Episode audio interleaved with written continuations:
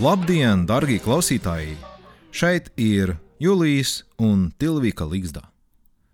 Sveiki, čia Julius ir kaip supratote iš pavadinimo Tilviko Lizdas, aš jau vėl esu Rygoje ir įrašinėjau iš savo namų, kaip galima įsivaizduoti, nes tai latviška pradžia.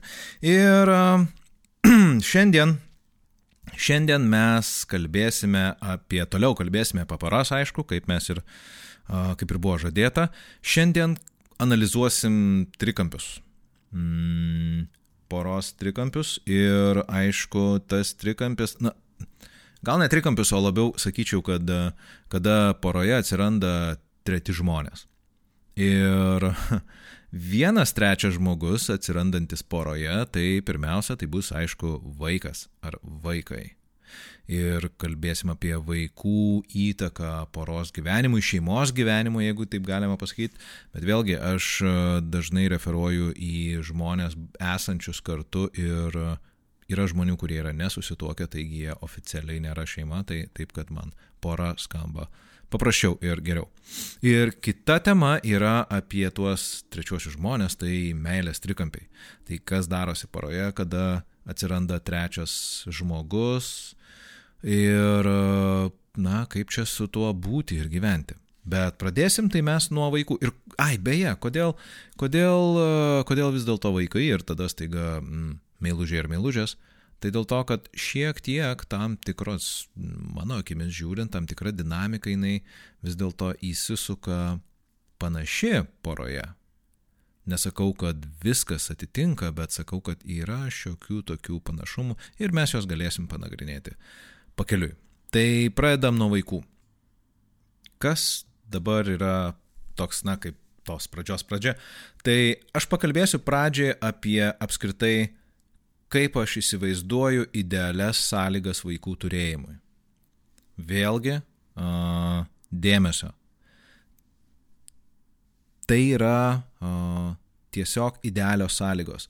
Sąlygos, apie kurias mes kalbam teoriniam lygmenį, nes mes žinom, kad faktiškai jų pasiekti beveik yra neįmanoma arba faktiškai neįmanoma taip, kaip būti idealiai sveikam. Nepaisant to, jeigu mes žinom kažkokį tai idealą, bent jau, nu, tokį turim horizontą, į kurį mes galim orientuotis, arba kaip kokią o, kompaso rodiklę, kuri mums nuolat rodo šiaurę, tai mes žinom, kuria kryptim labiau eiti ir ką su tuo daryti. Ir um, Todėl aš tą, kodėl aš tą paminiu, nes, na, yra žmonių, kurie jau turi vaikų, kuriem galbūt tam tikros uh, mano paminėtos sąlygos jiems gali sukelti tokius, nu, nemalonius jausmus, nes, o, tai aš gal čia neišsisprendęs tų dalykų, ar čia man kažko tai trūksta ir, ir, ir, ir, ir tada čia toks yra, va, jo, sėdi savo prie mikrofono kalba ir uh, gali savo ten laisvai pezėti nesąmonės, o aš tuo tarpu čia turiu tvarkyti su, su, su tom visom problemom. Tai todėl, todėl, kad tai nebūtų labai labai jautri tokia tema žmonėm, kurie jau turi vaikų ir kurie galbūt ne visada tas sąlygas išpildo, tai toks disclaimeris, čia yra tik idealios mano akimis sąlygos ir aš suprantu, kad jų pasiekti neįmanoma, bet stengtis galima. Ir pirmas dalykas tai yra psichologinis pasirengimas turėti uh, jaunų žmonių savo gyvenime, tai yra turėti uh, apskritai uh, žmonių, naujų atvestų į gyvenimą. Tai psichologinis pasirengimas. Ir aš manau, kad abu partneriai, kurie nusprendžia turėti vaikų, turėtų tą sprendimą vis dėlto priimti sąmoningai. Ir suprasti, iš kur ateina mano noras turėti vaikų. Aš nepasirašau dabar ant šito bendro tokio fono, kur sako visi, oi, taigi čia gamta, čia žinai viską ten Ok, gamta, gamtoj, ten viskas tvarkoja, bet kuo mes esam samoningesni, tuo mes labiau suprantam, kad e, vaikų turėjimas yra nepaprastai didelė atsakomybė ir tada klausimas, jeigu mes sąmoningai galvojam apie vaikų turėjimą, ką man tas vaikas duoda. Nes iš psichologinės perspektyvos tai labai dažnai vaikų turėjimas yra dėl to, kad, hm, pirmas momentas, Nebūtinai pagal didumą, bet pirmas momentas tai yra, aš noriu pataisyti savo santyki. Savo byrančią santoką aš pataisysiu tuo, kad aš turėsiu vaiką. Mes turėsim vaiką, va yra, mes jau nusipirkom mašiną, nusipirkom namą, kaip ir nu, gyvenimas prarado prasme, tai dabar e, pasidarom vaiką. Ir mes turėsime labai, labai perspektyvų gyvenimą, viskas bus čia gerai.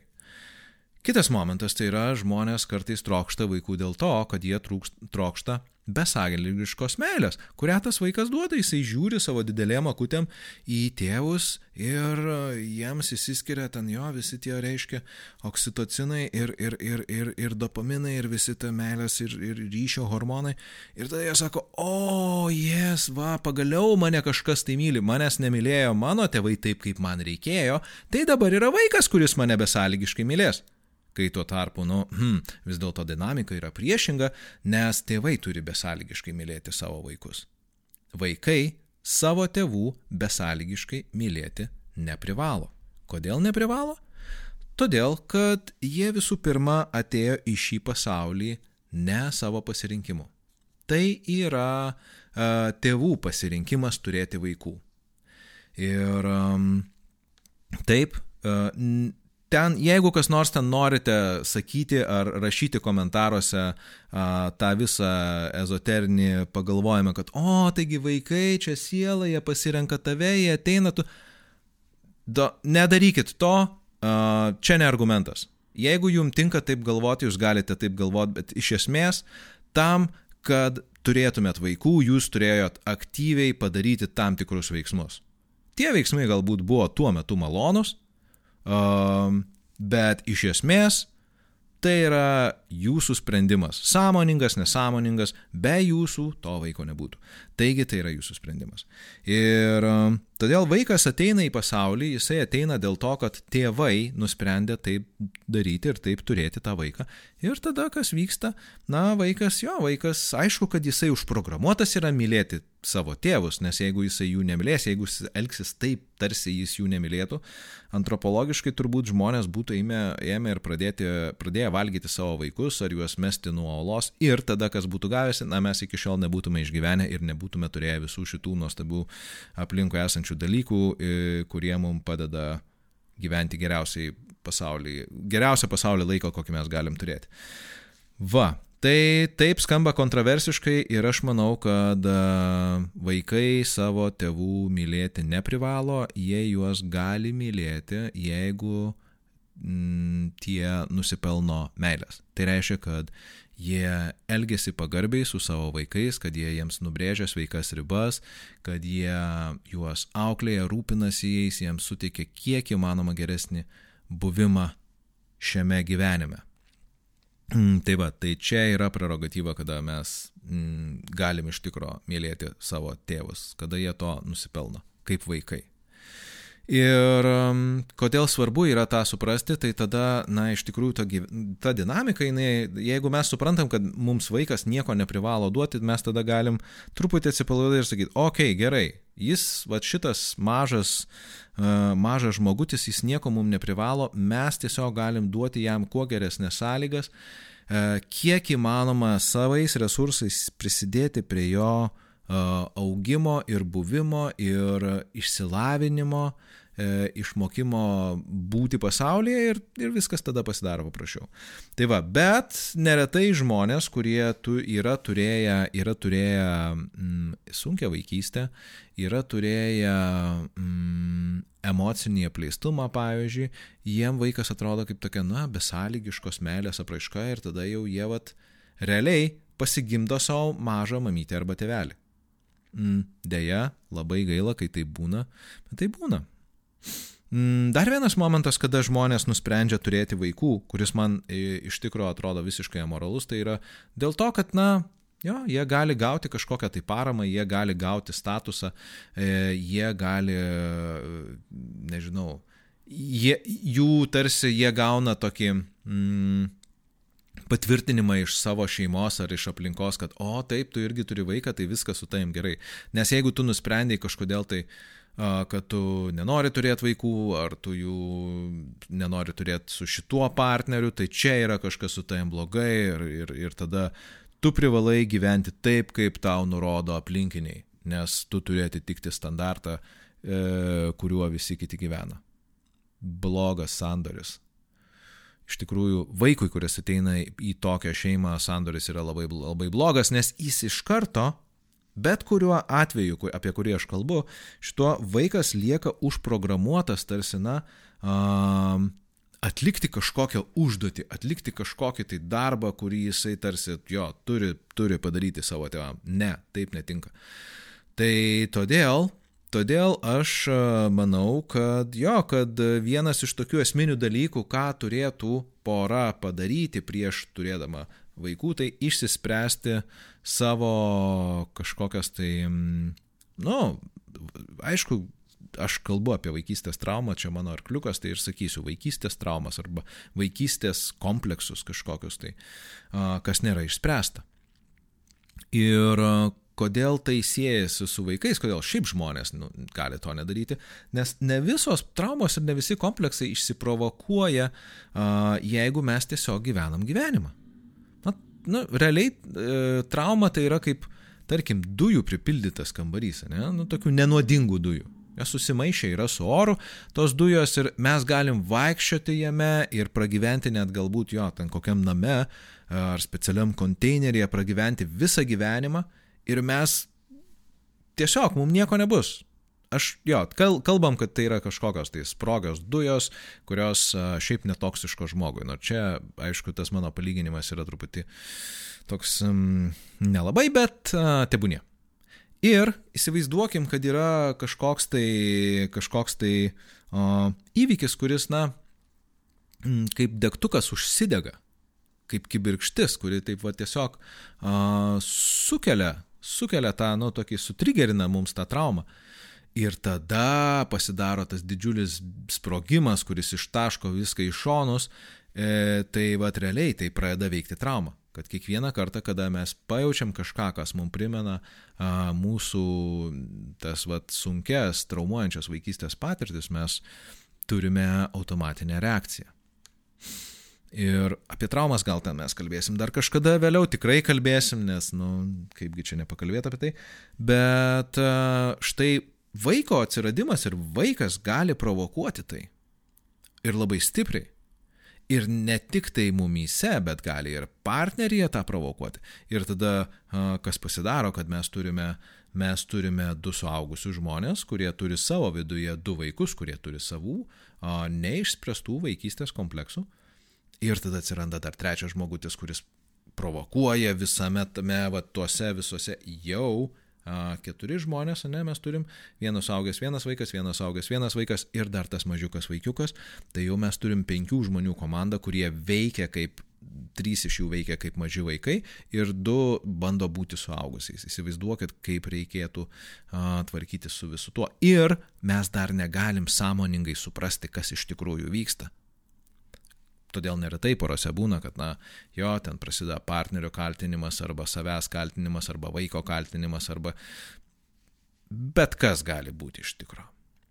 Todėl mm, aš manau, kad a, toks, na, jo, idealiu, idealiu atveju turėjimas, nusprendimas turėti vaikų, tai turėtų būti mm, psichologiškai pasirengusioje paroje, kuri yra labai aiškiai žino, kodėl, kodėl jie tą vaiką uh, atsiveda į pasaulį. Ir kaip aš sakiau, jeigu kažkuri iš priežasčių yra a, savo gyvenimo pasigerinimui, tai ne. Ne.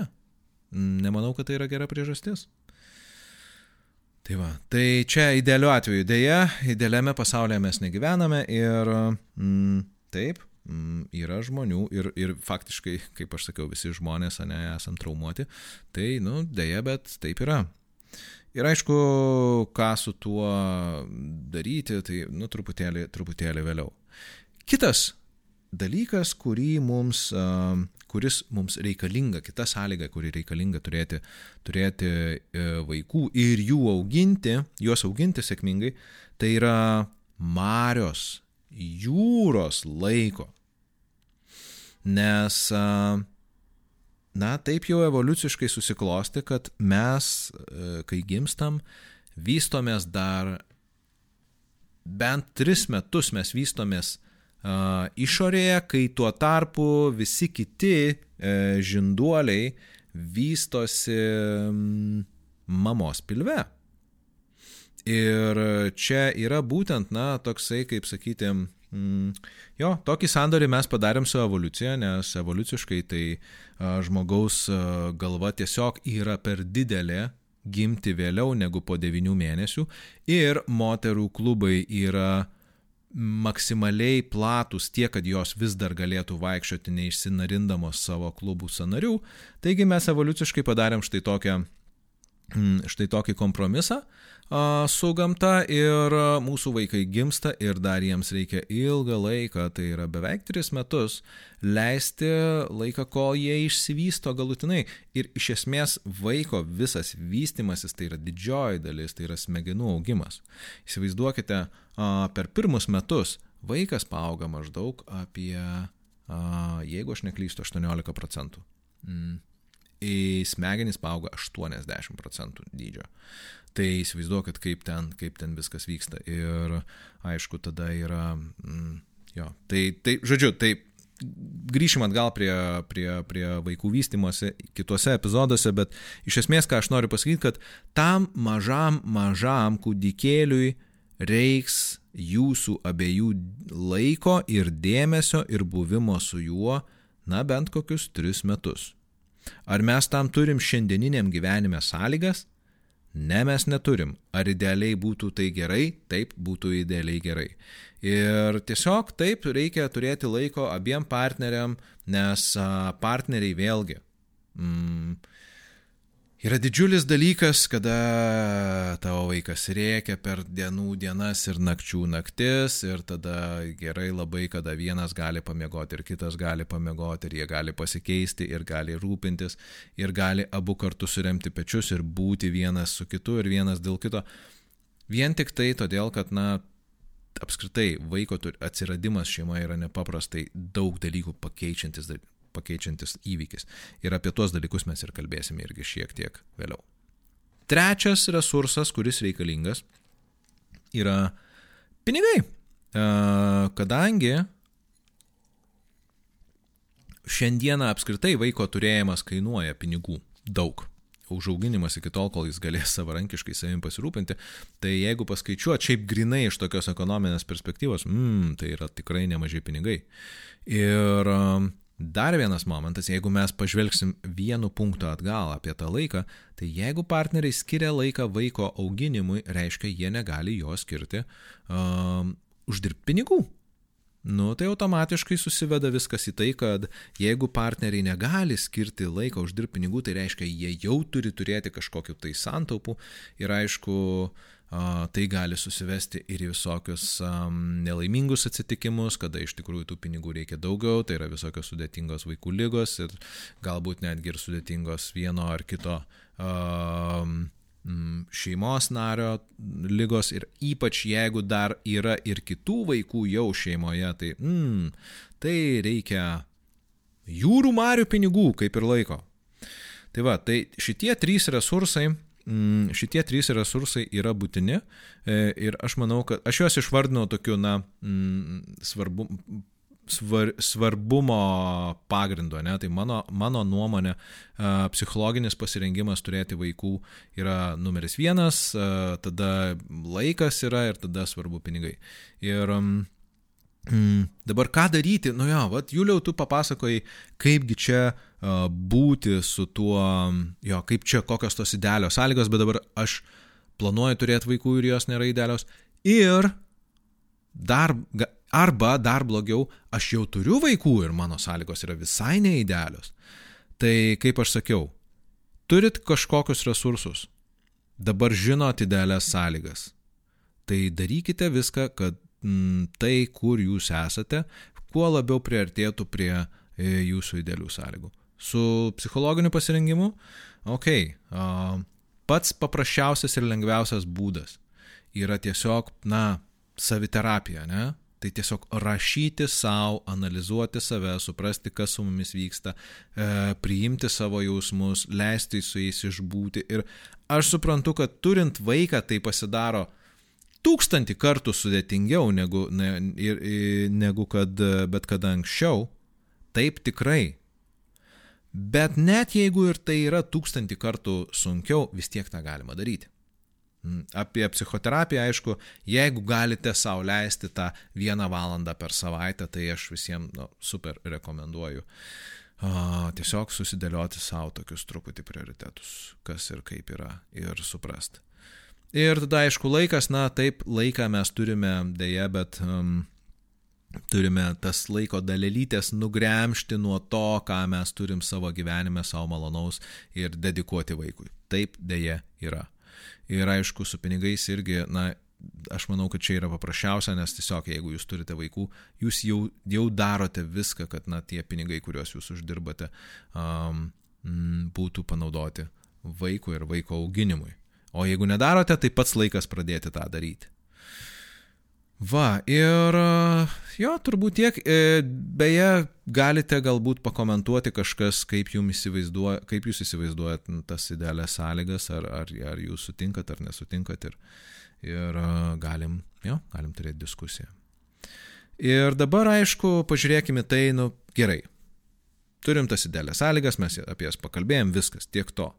Dabar staiga pora nusprendžia turėti arba jau turi vaiką ir kas vykstagi jos gyvenime.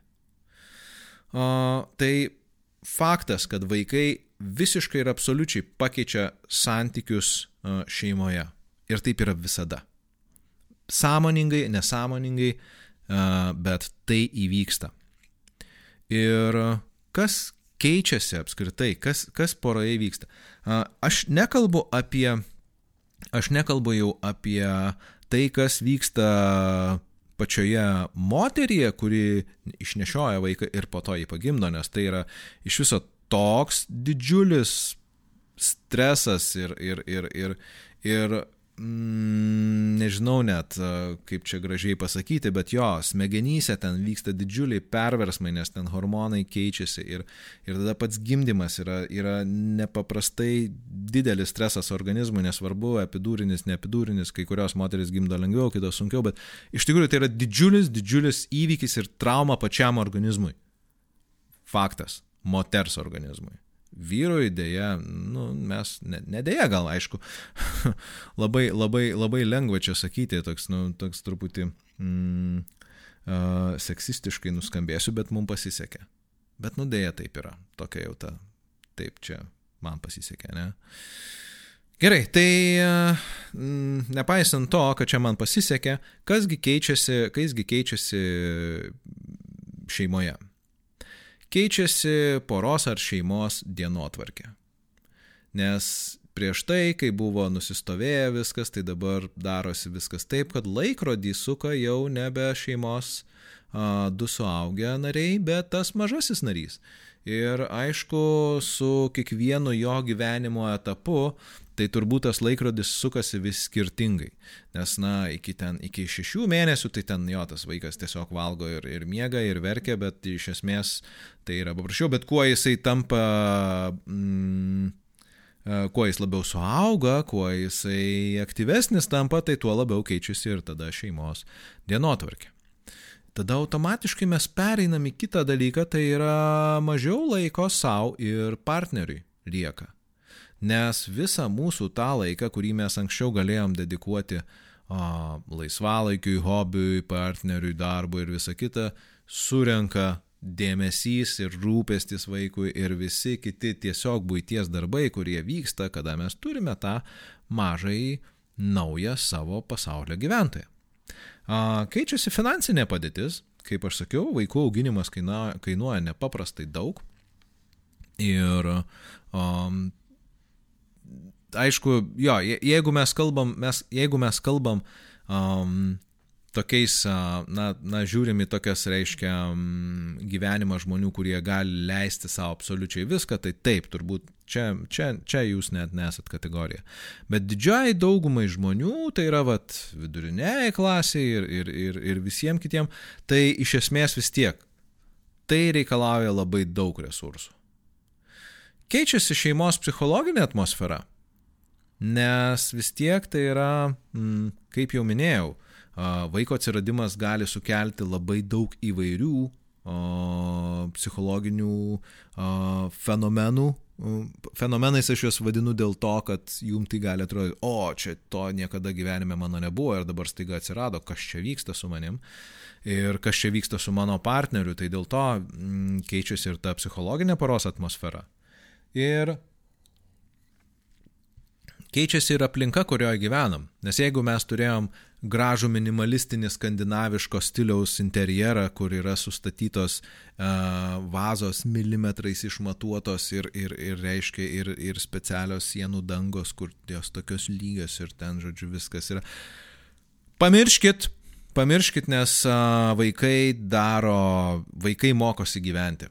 Jie yra, jo, jie yra tokie... Mm, jauni žmonės, kurie bando suprasti viską eksperimento būdu. Ir jūsų logika jiem neveikia, nes jūsų logika veikia tada vaikui, kada jisai pradeda suprasti priežasties ir pasiekmės ryšį, o tai neatsiranda iš karto brangiai. Tai jo, trunka, trunka laiko ir priežasties pasiekmės ryšys pradeda rastis tada, kada pradeda vystytis vaiko kalba, o iki tol tai jisai vis tiek mėgsta piešti ant sienų, kišti virbalą į rozetę ir uh, numesti kažką tai, pilstyti, taškytis ir, ir, ir, ir, ir, ir viską daryti, jisai, kas jam šauna į galvą. Tai va, taip, kad keičiasi ir ta pati fizinė aplinka, kurioje jūs gyvenate. Tada aišku, na, šeimos narių prioritetai irgi persistumdo, nes jeigu iki tol jūs buvote tik tai dviese, ir buvote prioritetas vienas kitam ir nuostabiai mylėjote vienas kitą ir leidote romantiškus vakarus kartu, tai dabar jau nebėra taip. Nes jūs nebesat prioritetas vienas kitam, jūs esat pagrindinis, jūsų, jūsų prioritetas tai yra pagrindinis vaikas. Ir tada, aišku, na, persistumdo visa dinamika ir, ir mes vyrai ir, ir, ir jūs moteris nebesate tokie svarbus savo sutoktiniui, e, kaip kad buvo anksčiau, nes jūs esate svarbesni žymiai vaikui. Taip yra. Ir su tuo reikia taikytis tiesiog. Ir aišku, keičiasi žmonių ratas, su kuriuo yra bendraujama.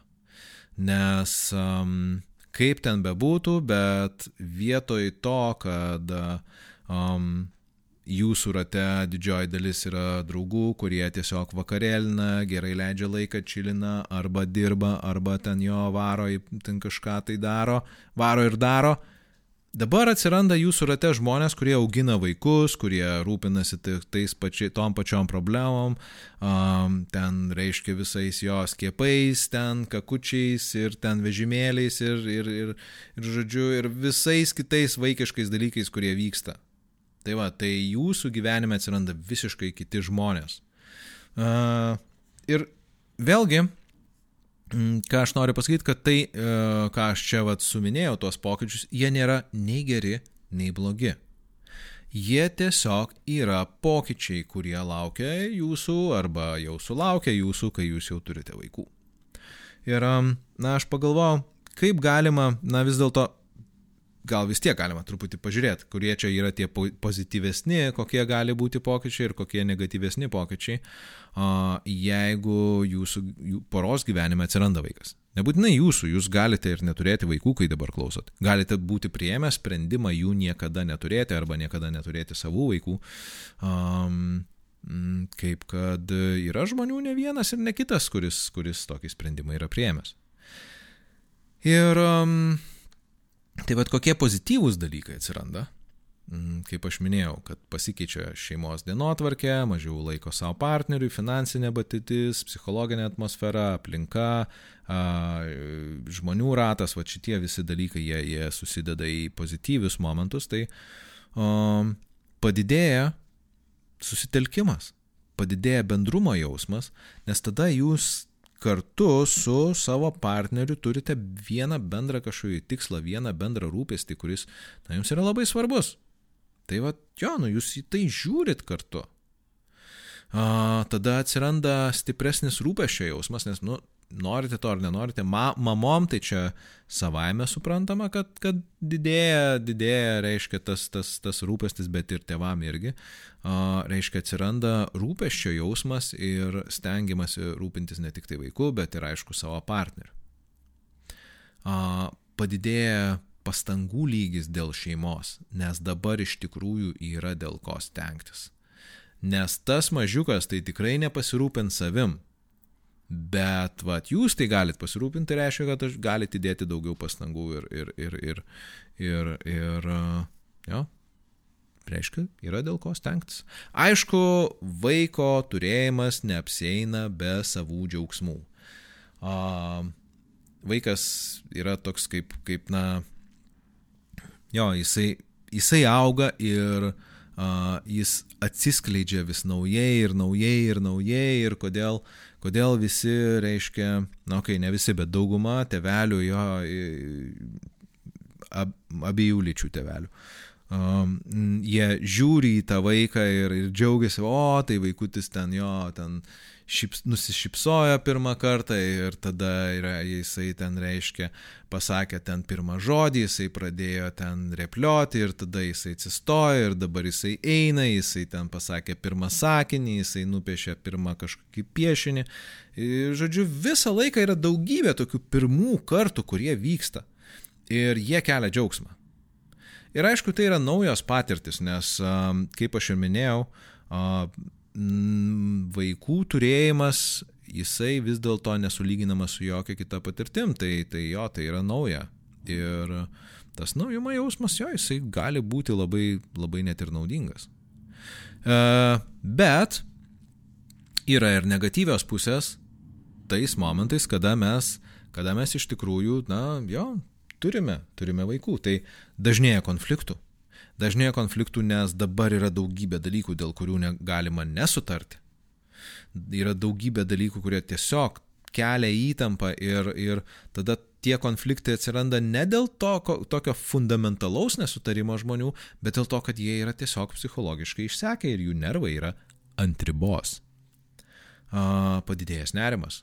Nes ypač žmonėm, kurie turi a, pirmą savo vaiką, nes viskas yra nauja, viskas yra pirmą kartą. E, jo, čia vaikas, vaikui pakilo temperatūra, čia kaip su tuo tvarkytis, ką daryti. Ten jisai nusikosė, jisai, nežinau, jis ten kakas pakeitė spalvą, um, ten, nežinau, išbėrė, uh, dar viskas. Partneris grįžta vėliau, kas čia dabar jo, ka, anksčiau tai viskas buvo gerai, o dabar staiga pasidaro didžiulis nerimas dėl to, kad, o kas gali atsitikti. Kaip aš minėjau, sumažėjęs dėmesys vienas kitam yra negatyvus dalykas, nes, na, vėlgi partneriam yra mm, sunkiau mm, turėti tą tokį romantinį, tikrai romantinį ryšį. Ir aišku, jau minėti mano iš, išsiprovokuojantis kompleksai, vaikystės traumų kompleksai, kurie, kurie gali labai stipriai sutrikdyti daug dalykų. Ir um, Na ką, vaiko atsiradimas iš tikrųjų kaip, na, yra tokia supurtanti krizė. Ir gerąją, ir blogąją prasme. Ir um, e, kaip ir visos krizės, tai vaiko atsiradimas gali labai sustiprinti porą ir gali um, susilpninti porą irgi. Nes yra iš tikrųjų yra ne vienas atvejis, kai e, vaiko atsiradimas mm, susilpnina arba net išardo poras. Nes prieš tai viskas buvo fainai ir paprasta ir lengva, o dabar staiga yra vaikas ir, ir visas tas poros ar šeimos gyvenimas nebetrodo toks rožiam klotas, kaip kad e, buvo galima tikėtis. Tai va, tai mm, čia yra tokie dalykai, kurie, kurie vyksta poroje, kada, jo, kada atsiranda vaikų. Uh, ir kodėl, kodėl uh, aš apie tai kalbu dėl to, kad, na, tai yra tarsi daugelis žmonių ir daugelis porų priima tai kaip tokį visiškai natūralų ir savaime aišku dalyką, tačiau nemažai žmonių net nepagalvoja, kiek stipriai įtakoja ar įtakojo jų santykius kaip poros vaiko ar vaikų atsiradimas ir buvimas ir pozityviai, ir negatyviai prasme. Tai kadangi mes čia nagrinėjom truputėlį tokį, na, mm, tokius ir psichologinius modelius, ir, ir, ir, ir, žodžiu, kas ir kaip čia vyksta poroje, nu tai jo, apie tai reikia pakalbėti, aš manau. Ir dabar mes persikelsim į kitą mūsų va, nagrinėjimų temų dalį, į kitą trikampį. Tai um, kada atsiranda trečias žmogus suaugęs poroje. Kas tada vyksta? Mes kalbam apie taip teisingai apie neištikimybę. Ir hmm, kasgi, kasgi yra, na, ta neištikimybė? Aš taip sudėlioju, yra šiaip, aš tarsi kategorizuoju dvi neištikimybės tokias pusės, ne? Tai viena neištikimybės pusė tai yra tokia, gal ne pusė, bet kategorija, tai yra fizinė neištikimybė. Ir tai yra intimus kontaktas už poros ribų be iš ankstinio abipusio susitarimo. Tai reiškia, kad partneriai nesusitarė, kad jie turės kažkokį tai e, intimų kontaktą už poros ribų ir jis įvyko. Ir tai jau yra fizinė neištikimybė. E, kas yra emocinė neištikimybė? Kita, kita tokia dalis neištikimybės ar kitas tipas neištikimybės - tai yra emocinis įsitraukimas į romantinį santyki už poros ribų be iš ankstinio abipusio susitarimo. Ir kodėl man čia vis tas abipusis susitarimas tarsi prasisuka ir kodėl aš vis kartoju, nes jeigu partneriai susitarė, kad, okei, okay, žiūrėk, mes esam pora, bet tu gali eiti ir miegoti su kuo nori arba su tuo ir tuo ir tuo, na tai tokiu atveju tai nėra neištikimybė, nes tiesiog tai yra partnerių susitarimas. Arba, jo, tu gali turėti Man tinka, jeigu tu turi kitų romantinių partnerių, jeigu tu myli kitą vyrą ar moterį e, ir ne tik tai mane. Tai yra, mes kalbam tada apie poliamorinės poras. Ir jo, jeigu partnerių susitarimas yra ir jiem tinka to žaidimo taisyklės, tai viskas su tuo yra gerai. Tai neištikimybė įvyksta tada, kada susita to susitarimo nėra ir realiai yra sudaužomas toksai esminis poros egzistavimo tokia esminė prielaida. Sudaužomas yra pasitikėjimas vienas kitu. Ir tada partneriai pasitikė, kad jie iš tikrųjų yra, tarkim, ekskluzyvūs vienas kitam, kad jie yra vieninteliai, kad jie yra patys geriausi, patys brangiausi ir BAM! Nėra taip. Nėra pasirodo jie, tarkim, jo, kažkas su kažkuo miega. Arba permiegojo. Atsitiktinai Arba kažkas įsitraukia į emocinį ryšį ir susirašinėja ten kokiam nors romantiniam žinutėm.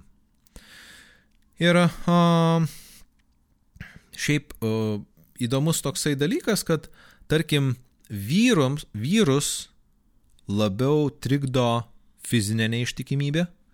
Uh, vėlgi nesakau, kad čia yra visiškai bendra taisyklė. Yra vyrų, kuriems emocinė neištikimybė gali būti žymiai reikšmingesnė negu fizinė neištikimybė. Moteriam yra priešingai. Moteriam fizinė neištikimybė yra tokia, na, atleistina jo, jisai ten gal ten jo, ten pasibučiavo su kažkuo, ar ten jo, ten vieną kartą ten vieną naktį permėgo, nes buvo girtas, ir, bet, bet jeigu jis turi romantinį ryšį su kažkokia moterim, tai nedaug dievė, jau viskas, jau, jau, jau pabaiga. Ir uh, abiem atvejais, abiem atvejais, kartais tie atvejai persidengia, ne, kartais tai yra fizinė ir emocinė neištikimybė, ten gali susidėti viskas į vieną vietą. Ir um, tai yra didžiulis, didžiulis toksai įvykis porai, e, iš tikrųjų labai stipriai traumuojantis porą. Nesvarbu, žino abu partneriai apie tai, ar žino vienas, bet tai yra didelė trauma porai. Ir uh, taip gali kilti klausimas, tai gerai, nu tai ta neištikimybė, kodėl jinai čia, kodėl apskritai jinai atsiranda? Nes, nu, galėtų va žmonės būti kartu, mylėti vienas kitą ir, ir, ir, ir būti jiem viskas gerai ir viskas fainai ir, ir ten viskas tik, bet ne, va, reikia ten kažkam. Tai yra daug visokių pagrindų tam atsirasti, bet esminis, man atrodo, mano, mano akimis žiūrint, tai kad e, neištikimybė atsiranda tada, tie meilės trikampiai ar keturkampiai ar, ar šešiakampiai, atsiranda tada, kada uh, partneriai mano, kad jie savo poroje turi jų nuomonę neišsprendžiamą problemą.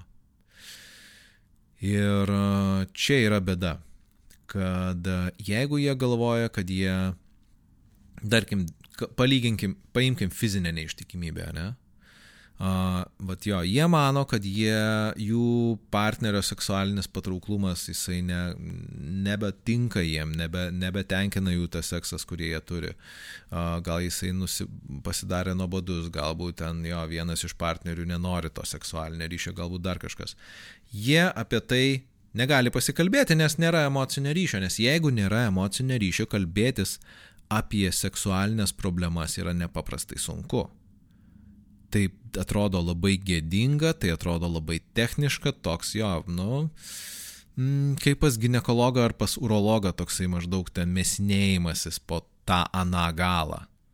Tai kam čia to reikia, vat jo, yra vat kažkas tai yra vyras arba moteris, su kuriuo yra labai fainai būti, arba jo, tiesiog ten kartas nuo karto susitikti, turėti nuostabų seksą ir grįžti namo ir tiesiog gyventi tarsi niekur nieko nebuvo.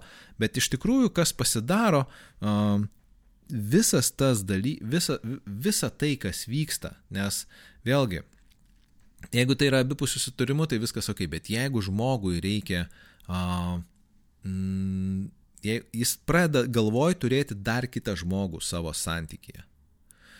Ir um, vis tiek, net jeigu ir yra vienkartiniai kažkokie tai tie seksualiniai ryšiai, tai vis viena yra kažkas negerai uh, žmogui poroje ir jis tada turi tvarkyti su tuo, kad jis turi slėpti kažką tai ir nuolat uh, apsimetinėti, meluoti, nesakyti ir, ir, ir Nebent, aišku, jis yra psichopatas arba sociopatas ir, ir nu, tada mes turim visiškai kitą dalyką, nes uh, tokiu atveju jam yra faktiškai nelabai svarbu. Bet kitu atveju tai jo, tai žmogus jaučia kaltę, jis jaučia nusivylimą, jis yra nepatenkintas tuo, kas vyksta ir mm, tai yra labai labai labai sunku porai. Va, ir um, taip, taigi tos neišsprendžiamos problemos ir jos pasidaro neišsprendžiamos todėl, kad poros iš tikrųjų turi labai labai prastą emocinį ryšį. Ir jeigu jos turi tą prastą emocinį ryšį, tai tada, kaip aš sakiau, jo negali kalbėtis. Arba imkim, kad mes uh, turim iš tikro ne, ne seksualinio ryšio klausimą, bet mes turime tokį ryšio klausimą kaip, uh, nu, pavyzdžiui, imkim, kad mes turim klausimą emocinio ryšio kad yra poroje, kaip tipiškai dažniausiai būna vyras, kuris rodo mažai dėmesio moteriai, arba rodo netokį dėmesį moteriai, kokio jinai nori, ir tada jinai supra, susiranda geriausią draugą. Nes nu su tuo draugu yra labai faina būti, jis toks yra smagus, jisai yra visiškai kitokio tipo negu kad tas mano vyras, jisai yra toksai jo, jis toks dėmesingas, jis nuolat kažką tai rašo, jis nuolat ten parašo man kažkur tai kažką, jis ten tai padovanoja dovanėlę kažką. Nieko tarp mūsų nevyksta, man tiesiog yra gera su juo susirašinėti arba ten susitikti ir pasikalbėti. Ir um, jeigu tokios moters paklausi, gerai, ar... Um, mm, o ką tu jam jauti? Nu, jis man labai patinka. Ar jis galėtų būti tiesiog tavo draugas, Nu, jo galbūt, bet, nu, vis tiek kažkas ten tokio yra. Ir ar tai yra emocinis ryšys, ar tai, ar tai yra emocinis įsitraukimas, ar, nu, tai, ar tai yra romantinis ryšys, galima iš karto na, tiesiog pajausti, tiesiog pamatyti um, tų žmonių, pavyzdžiui, komunikacijoje. Nu, viskas pasidaro iš karto aišku. Mes tiesiog suprantam, kada du žmonės yra tiesiog kolegos arba tiesiog draugai ir suprantam, kada tie du žmonės yra įsitraukę į romantinį ryšį, į flirtą ir dar kažką.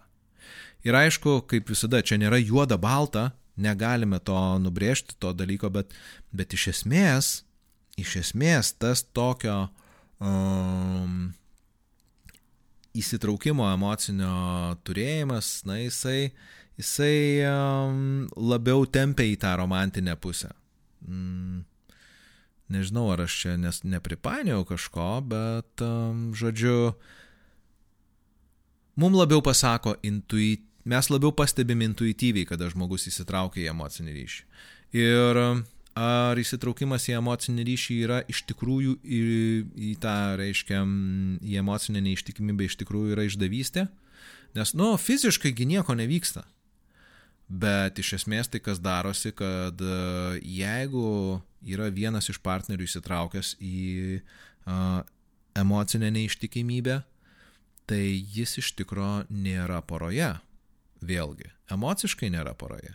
Jisai savo resursus, kuriuos jis galėtų skirti buvimui poroje, jisai panaudoja kažkur kitur. Ir na, neištikimybė irgi yra kaip ir mes, jo, kaip mes kalbėjom, kad vaiko ateimas į porą ar į šeimą yra didžiulis, didžiulis įvykis ir didžiulė tokia krizė ir gerąją ir blogąją prasme, tai uh, neištikimybė irgi gali būti tokia didžiulė krizė poroje. Ir nesvarbu, ar pora apie tai, ar na, partneriai apie tai žino ar ne, mm, nes dažniausiai vis tiek, dažniausiai vienaip ar kitaip jie sužino. Mm, ir, ir kartais ne. Ir tiesiog bet kokiu atveju tai sukuria didžiulę krizę Ir um, krizės, kaip visada, jos arba sustiprina tą šeimą ir tą porą ir tą partnerystę, arba jos ją susilpina ir sudaužo. Ir tikrai yra porų, kurios uh, pereina per tokį, na, jo, per tą, su, tas duženas neištikimybės ir, ir išgyvena tokius, na, tikrai sunkius periodus ir uh, Aš esu dirbęs su porom, kurios perėja neištikimybę ir aišku, tai reikalauja nepaprastai daug tokio įdirbio ir laiko ir darbo, kol visa tai perdar, persidirba, perverda, persisuka. Nes kaip aš sakiau, tai tas, tas neištikimybės pats aktas jisai sudaužo labai labai labai labai daug uh, tokių fundamentalių dalykų, ant kurių stovi pora. Ir naujos poros, jos kurdamos santykius, jos kuria juos su tokia prielaida, kad jie yra vienas kitam ekskluzyvus, didžioji dauguma parų. Yra porų, aišku, kurios to nedaro ir kartais būna santykiuose toksai, na, neištikimybės, kai tik tai partneriai pradeda būti kartu ir toks, um, nežinau net kaip teisingai pavadinti, bet, nu, okei, okay, atsiprašau už slengą, lame excuse, toksai, o, kad, ai, nu mes nebuvom susitarę, kad uh, būsim ekskluzyvus, tai aš čia dėl to mėgojau su kuo noriu. Bet iš esmės prielaida yra, mes esam vienas su kitu ir tik vienas kitam. Ir tada, kada, atsir, kada ištinka tas neištikimybės pats, pats, pats aktas, uh, vienas iš partnerių, kuris visą laiką pasitikėjo ir, ir nedalyvavo tame trikampyje, mm, kuris, nu, nedalyvavo, tai jisai dalyvavo pasyviai, uh, nedalyvavo tame trikampyje, jisai staiga pasijunta, kad taip, nu mane išdavė aš pasitikėjau tavim ir dabar visas tas pasitikėjimas jisai dingo. Tai todėl labai sunku atstatyti yra, nes e, mes neturim, neturim net pagrindo, nuo ko mes esam žemiau, e, kaip sakyti, esame įvažiavę į minusą ir tą minusą mums pirmiausia reikia atstatyti. Tai yra e, vėlgi gauti partnerio, gauti atleidimą gauti, gauti sutikimą, kad taip, na, mes vis dėlto kuriam tą santykį ir esam vienas dėl kito ir bandom čia kažką tai daryti kartu ir tai reikalauja daug darbo. Ir e, būna sėkmių, nesėkmių, grįžimų atgal, atsisukimų vėl. Ir e, aišku, poros, kurios pereina per visą tą, kaip ir su visom didžiosiam krizėm, jos išeina stipresnės ir joms sekasi geriau, nes jos jau žino visas tas raudonas vėliavėlės. Ir aišku, jeigu neištikimybė kartojasi vėl ir vėl, na tai jau yra kažkas iš tikrųjų negerai ir tada kyla klausimas, ar tikrai su tokiu partneriu, kuris yra vėl ir vėl neištikimas, verta būti. Bet tai atskira istorija. Ir ką, kas da, dar gali būti, dažnai būna žmonės, na, ateina į porą ir sako, žiūrėk, tai vat, vyras buvo neištikimas ir jis šimtų procentų yra atsakingas už tai, kas įvyko. Ir šitoje vietoje poros terapeutai ar šiaip psichologai sako, nu ne, vis dėlto atsakingi yra abu po lygiai. E, nes e, vėlgi vienas buvo neištikimas, kitas sudarė sąlygas, kad ta neištikimybė galėtų vykti, būti ir, nu, žodžiu, tarsi, tarsi čia viskas taip turėjo būti, bet Aš sakyčiau, kad nėra visiškai taip. O jeigu jau žiūrėti tais ten, tarkim, procentais, tai mm, tas, kuris buvo neištikimas poroje ar šeimoje, jis yra atsakingas 55 procentais už tai, kas vyko. Kitas yra atsakingas 45. Tai yra, reiškia, vis viena, vis viena tas, kuris buvo neištikimas, jis yra šiek tiek labiau atsakingas, nes jis padarė tą žingsnį, jis padarė tą a, neištikimybės aktą. Ar tai buvo fizinis aktas, ar tai buvo emocinis įsitraukimas, ar tai buvo vieną kartą, ar tai tęsiasi penkis metus, ar tai tęsiasi visą gyvenimą, tai vyko. Ir kaip ten bebūtų, bet bučinys ar seksas, ar laiškų krūva, ar bučinys seksas ir laiškų krūva, vis viena yra aktyvūs veiksmai, kai reikia žmogui įsitraukti. Tai nevyksta be jo aktyvių pastangų. Ir ką tai reiškia? O tai reiškia tai, kad vis dėlto tas padaręs tą neištikimybės aktą yra šiek tiek atsakingesnis. Tai nereiškia, kad tas kitas žmogus, tas kitas partneris, jisai yra kažkokiu tai būdu um, vėlgi visiškai neatsakingas, nes mm, čia svarbu suprasti, kad um, tam, kad neištikimybė įvyktų, turi būti tam tikros sąlygos, kurios vis dėlto yra toje, uh, tos, toje poroje. Nes porose, kuriuose viskas gerai, kurios puikiai funkcionuoja, kurios e, eina iš proto viena dėl kitos ir, ir žmonės myli vienas kitą ir jie kaip krumpliaračiai besisukantis tam emocinio ryšio tepale, jie, jie yra nesustabdomi, jie yra nesulaužomi, jie yra nesudaužomi. Tai yra viena tokia vientisa jėga kaip kumštis, kuris, kuris suspaustas ir laiko tą porą. Tai ne, tas, tas negali įvykti iš esmės a, tokiose porose, kuriuose yra viskas gerai. Tai reiškia, kad ir kitas partneris yra prisidėjęs prie to, kad ta atmosfera nebūtų gera ar nebūtų išspręsta. Ir labai dažnai būna žmonės ateina ir sako, o žiūrėk, tai aš nieko nežinau, aš nesupratau, kad ten jam blogai ar jai blogai, kad čia tas ar anas įvyko. Aš maniau, kad viskas šiaip yra gerai ir puiku ir dabar, vad, staiga man į akį šauna. Taip nebūna. Dažniausiai tai būna požymiai, kad jau kažkas vyko, kad, na, ta neištikimybė jau buvo, jau darėsi tenai. Ir um, neretai netgi yra toksai, na, na, būna toksai partnerių tarsi tokia savotiška provokacija arba paklausimas, e, žiūrėk, tai ar aš galiu būti neištikimas ar ne?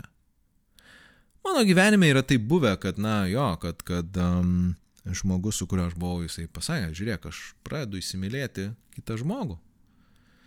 Ir man tada aišku buvo užviręs ego ten, o, taip, kaip čia yra, kaip čia gali tai būti, nu tai jo, tai gerai, tai eik, jeigu tau čia reikia, jeigu nereikia manęs, tai tu daryk, ką nori, pupupu, vietoj to, kad aš būčiau atsisukęs ir pasakęs, e, žiūrėk, gerai, sėdim ir kalbam, ir kasgi čia yra, ko manyje trūksta, kad tu vis dėlto, kad tau yra šitaip. Bet, nu, dažniausiai, mm, jo, dažniausiai tai būna, kad mes tuo metu negalim, neišgirstam, nesuprantam, nes jeigu tas, tas partneris iš tikrųjų, jeigu aš tada būčiau reagavęs kitaip, galbūt būtų viskas pasisokė kitaip. Bet dėja. Taigi, jo, taigi tų pamokų visokių ir mano gyvenime yra buvę, e, taip kad, jo, aš Aš esu buvęs abiejose stovyklų pusėse, tai dėl to man čia taip labai paprasta šnekėti. Apie tai ir aš esu, aišku, dar matęs šio bei to, uh, ne tik tai iš savo gyvenimo. Tai va, bet um, man atrodo, kad šiandien, e, šiandien brangus klausytojai, pakalbėjom apie tokius jo, tokius momentus, kur atsiranda, kai atsiranda trečias, kas įvyksta, kai atsiranda trečias, tai yra vaikas, kai atsiranda trečias, tai yra meilužė arba meilužis. Ir um, čia manau, kad mes ir stosim. Ir jeigu jum kyla klausimų, norite komentuoti, norite kažką tai, nežinau, pridėti, pasidalinti, aš galbūt kažkokią nesąmonę pasakiau, o pataisykit mane, gerai? Arba pakomentuokit kažką. Aš esu tikrai dėkingas a, tiem žmonėm, kurie, kurie, aišku, dalinasi tuo, ką čia išgirsta, kurie sako pasauliui, kad va, žiūrėkit, yra toksai Juliaus podkastas ir, ir, ir, ir kurie mm, laikina, šerina ir daro visą tą dalyką. Ir kaip visada virtualus dėkui Patreon rėmėjam, mm, kurių ratas nu, truputėlį jau gausėja ir ačiū jum labai labai, kad jūs esat, kad jūs uh, darot didesnės galimybės būti šitam podcastui ir šitiem epizodam ir um, jūs esat uh, nuostabus visi. Ir aš jums visiems, visiems klausytojams linkiu puikios dienos. Um, ar jūs esat ištikimi, ar jūs esat neištikimi, ar jūs um, turit vaikų ar neturit, eikit šiandien ir apkabinkit savo mylimą žmogų, savo antrą pusę ir, ir pasakykit, kokie, yra, kokie jūs esat svarbus vieni kitiem ir jeigu jūs turite problemų, tai eikite jas ir spręskite, nes tikrai, a, tikėkit manim, tą galima padaryti karts nuo karto. Tai verta pastangų, kad tai įvyksta. Ačiū Jums, čia buvo Tilviko Lizdas, Julius ir atsisveikinu iki kitų kartų.